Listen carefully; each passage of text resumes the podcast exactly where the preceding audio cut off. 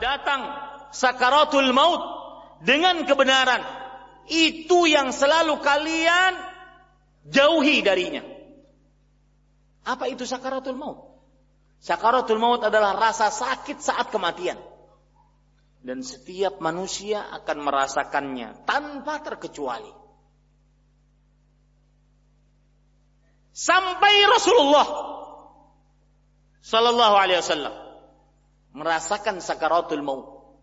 Sebagaimana dalam hadis riwayat Bukhari bahwa Rasulullah sallallahu alaihi wa alihi wasallam bersabda, saya ceritakan ya ini bagaimana wafatnya Rasulullah sallallahu alaihi wasallam. Aisyah radhiyallahu anha bercerita, "Inna min ni'amillahi alayya" Sesungguhnya termasuk nikmat Allah atasku, anna Rasulullah sallallahu alaihi wasallam tufiya bi baiti wa fi yaumi. Rasulullah sallallahu alaihi wasallam wafat di rumahku saat menggilirku wa baina sihri wa nahri dan wafat di antara pangkuanku dan juga leherku. Artinya beliau tidur di pangkuan Aisyah radhiyallahu anha. Wa anna Allah jama'a baina riqi wa riqihi 'inda mautih. Dan Allah mengumpulkan antara liurku dengan liur Rasulullah saat Nabi Muhammad sallallahu alaihi wasallam meninggal. Bagaimana itu bisa terjadi?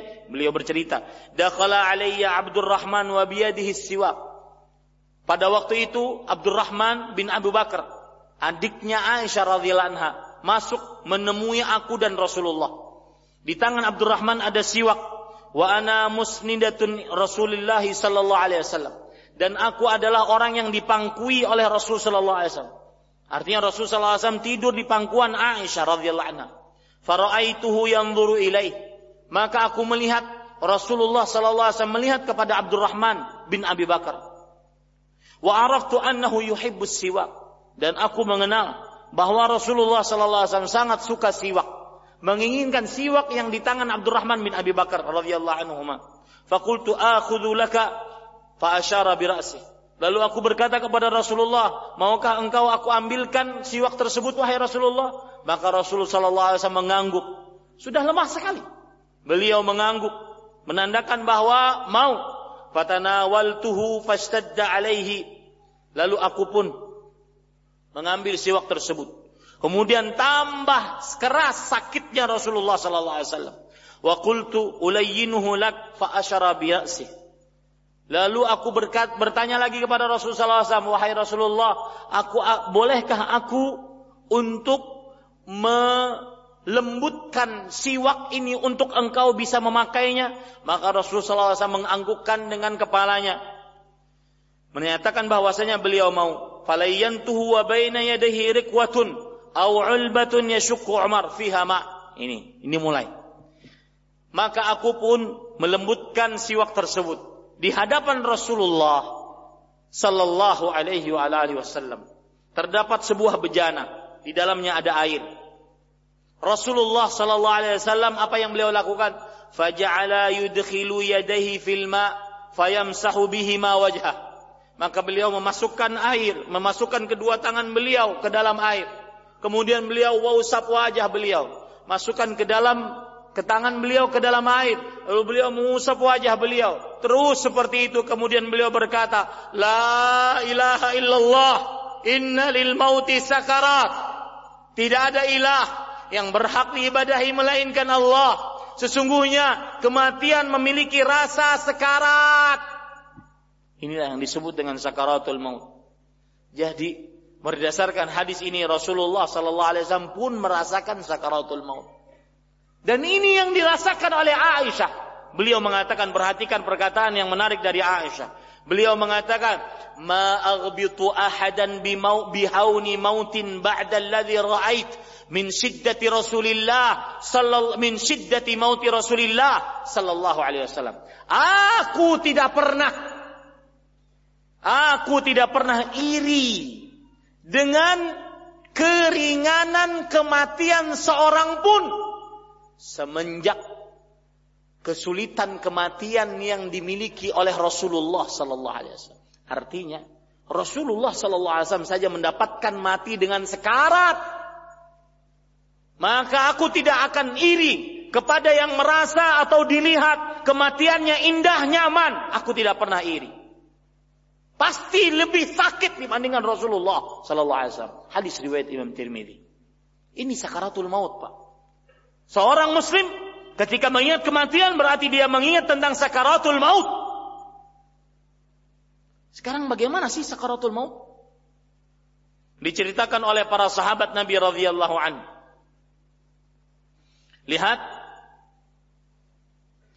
disebutkan di dalam kitab Fathul Bari yang ditulis oleh Al-Hafidh Ibnu Hajar Qala Umar li Ka'bin, akhbirni anil maut. Umar bin Khattab radhiyallahu anhu berkata kepada Ka'ab al-ahbar, beritahukan tentang kepadaku tentang kematian. Kemudian Ka'ab radhiyallahu anhu berkata, "Ya Amirul Mukminin, wahai Amirul Mukminin, perhatikan. Ini sakaratul maut. Huwa mithlu syajaratin kathirati syauq fi jawfi bini Adam. Sakaratul maut itu seperti pohon berduri yang sangat banyak durinya dimasukkan ke dalam tenggorokan seorang anak manusia. Falaisa minhu irqun wala mafsilin illa warijlin syadididh dhira'ain fahuwa yu'alijuha yanzi'uha maka tidak ada urat, tidak ada otot kecuali akan terputus dengan pohon yang banyak durinya tadi. Itulah sakaratul maut. Setiap kali ditarik, putus seluruh ototnya. Pecah seluruh ototnya, putus seluruh uratnya. Maka mendengar itu Umar bin Khattab pun mendangis. Hadis riwayat eh, disebutkan disebutkan di dalam kitab Fathul Bari. Begitu juga disebutkan dalam kitab Fathul Bari Amr ibn As radhiyallahu an. Seorang sahabat terkenal Amr ibn As. Beliau ditanya oleh anaknya Abdullah. Ya bu, ya abati. Sif kaifal maut. Waktu itu Amr ibn As radhiyallahu anhu dalam keadaan sekarat, sakit keras. Abdullah bin Amr ibn As sang anak bertanya, "Wahai bapakku, ceritakan kepada kami bagaimana rasa mati." Maka beliau menjawab, Wallah, laka'anna jambi fi takt. Demi Allah seakan-akan badanku disempitkan. Walaka'anni atanaffasu min sammi ibrah. Para ikhwah, ahibati hafizakumullah. Saudara-saudari yang saya cintai karena Allah. Silakan tarik nafas Anda dalam-dalam sekarang. Sebelum ini mengenai kita semua. Tarik nafas Anda dalam-dalam sambil bersyukur kepada Allah. Sebelum sakaratul maut datang. Beliau mengatakan, seakan-akan badanku disempitkan dan seakan-akan aku bernapas dari lubang jarum. Itu sakaratul maut. Seakan-akan aku bernapas dari lubang jarum. Wa ka'anna ghusna syaukin yujarru bihi min qadami ila hamati. Seakan-akan pohon-pohon yang banyak durinya dipukulkan dari ujung kakiku sampai kepalaku. Itu sakaratul maut.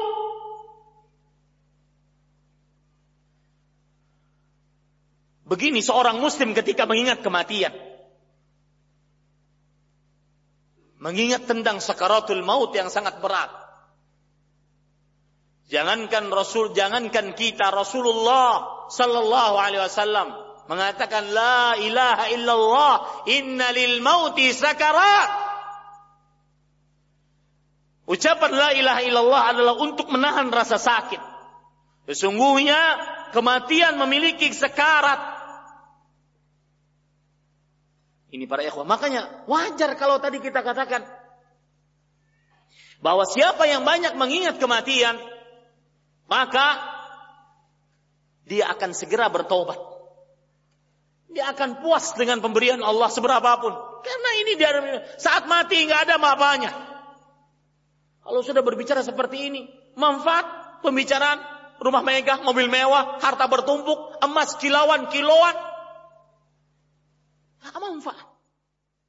Sekarang kalau kita ber, ber, membaca hadis Rasul, bagaimana penjemputan nyawa?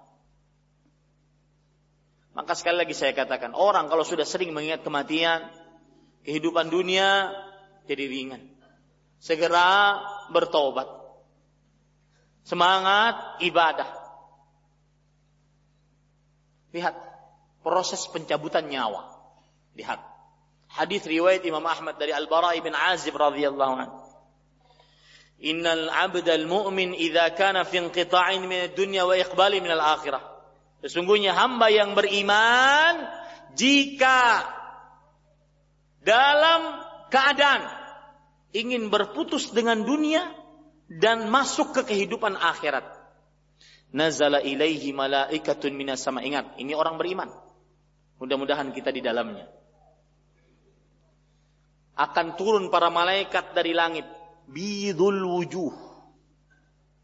Wajah mereka sangat bercahaya. Dan ini persis seperti yang Allah sebut subhanahu wa ta'ala sebutkan di dalam surat Fussilat dan surat Al-Ahqaf. Allah berfirman, Innal ladhina qalu Rabbuna Allah, thumma istaqamu, tatanazzalu alaihimul malaika. Sesungguhnya orang-orang yang mengucapkan Rabb kami adalah Allah. Kemudian mereka istiqamah. Maka turun para malaikat. Ulama tafsir di antaranya Imam Ibn Kathir mengatakan, turun para malaikat di sini saat sakaratul maut. Sama persis. Bidul wujuh, wajahnya bercahaya. Ka'anna wujuhahumus syams. Seakan-akan wajah mereka matahari. Ma'ahum akfanun min akfanil jannah. Mereka membawa kain kapan dari kain kapan surga.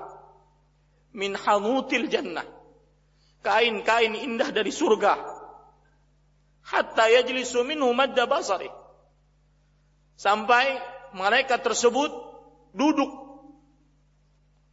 pada calon mayat tersebut seluas mata memandang. Ini anggap calon mayat, ini malaikat duduk seluas mata memandang.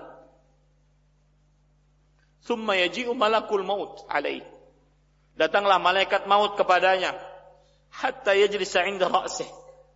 Sampai malaikat maut tersebut duduk di kepala si mayat tersebut. Fayaqul, ayyatuhan nafsu tayyibah.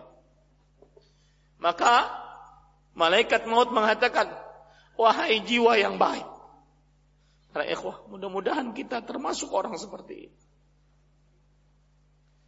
Wahai jiwa yang baik, ukhruji ila maghfiratin min Allah wa ridwan. Keluarlah engkau. Wahai ruh yang baik, keluarlah engkau untuk menggapai ampunan dan ridha Allah Subhanahu wa taala. Lalu apa yang terjadi? Berpisahlah ruh dimulai dari kepala.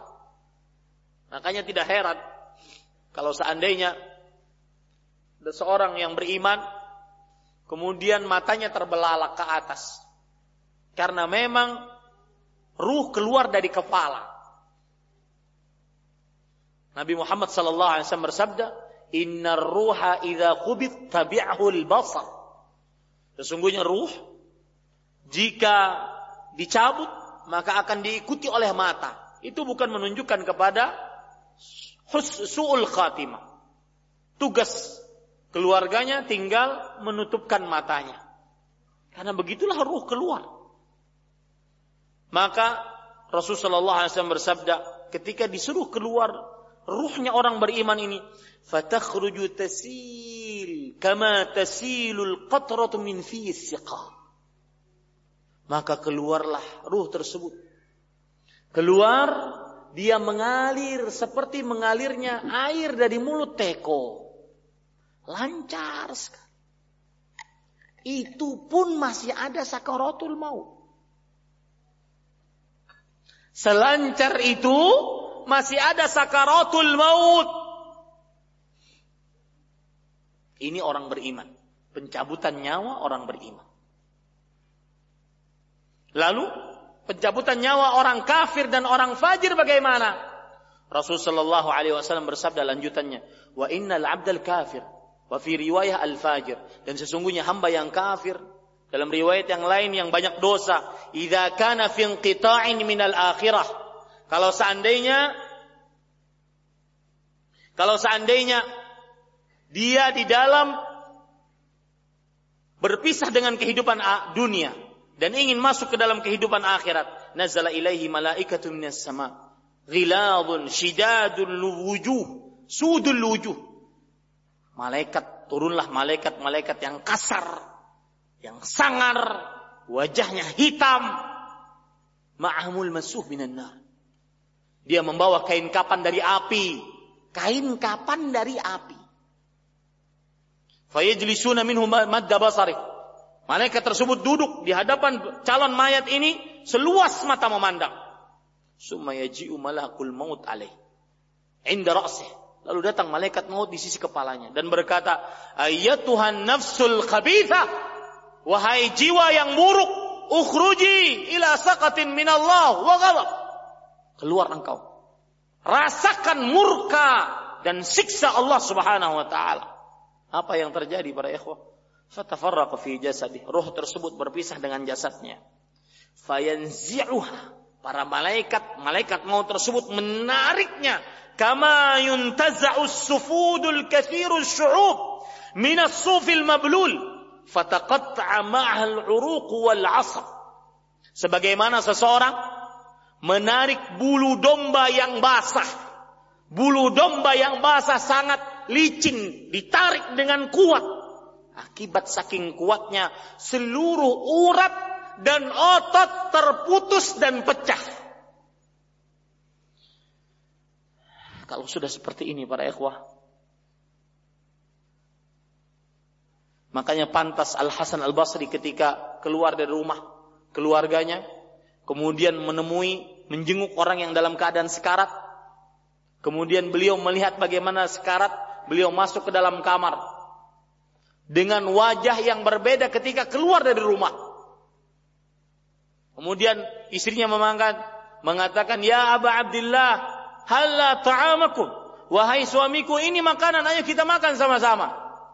Maka kata Al Hasan Al Basri setelah melihat pemandangan kematian, beliau mengatakan, Alaikum bita'amikum. Makan kalian sana. Fa inni qad ra'aitu manzaran. Aku benar-benar hari ini telah melihat sebuah pemandangan asta'iddu lidzalik minal ah. Aku masih saja persiapan untuk menghadapi pemandangan tersebut dari sekarang. Mudah-mudahan kita semakin sadar para ikhwah yang dirahmati oleh Allah. Kematian bukan perkara yang yang gampang.